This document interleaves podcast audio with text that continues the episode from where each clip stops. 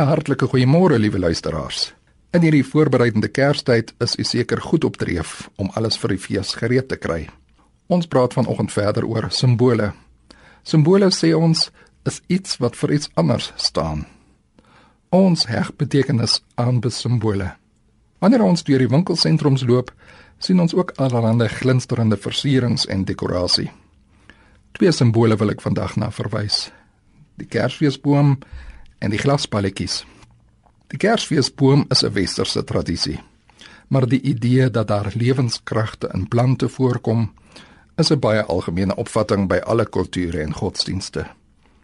Bome spesifiek is al van die antieke tye as versierings tydens feesgebeure gebruik.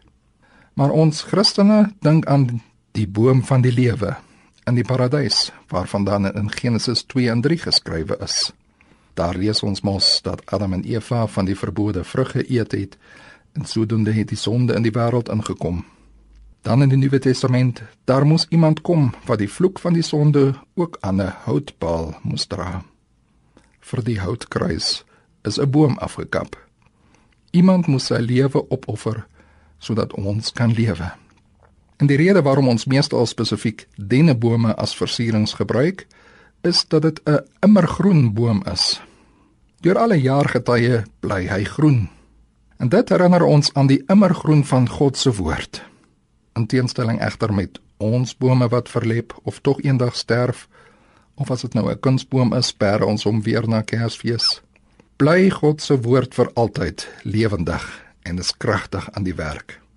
Dus as jy volgende keer 'n Kersfeesboom sien, dink aan die boom van die lewe in die paradys die houtkruis op Golgotha en die immergroen van God se woord. O ja, die glasballetjies. Dit was natuurlik eers appels wat mense as versierings in die Kersfeesbome opgehang het.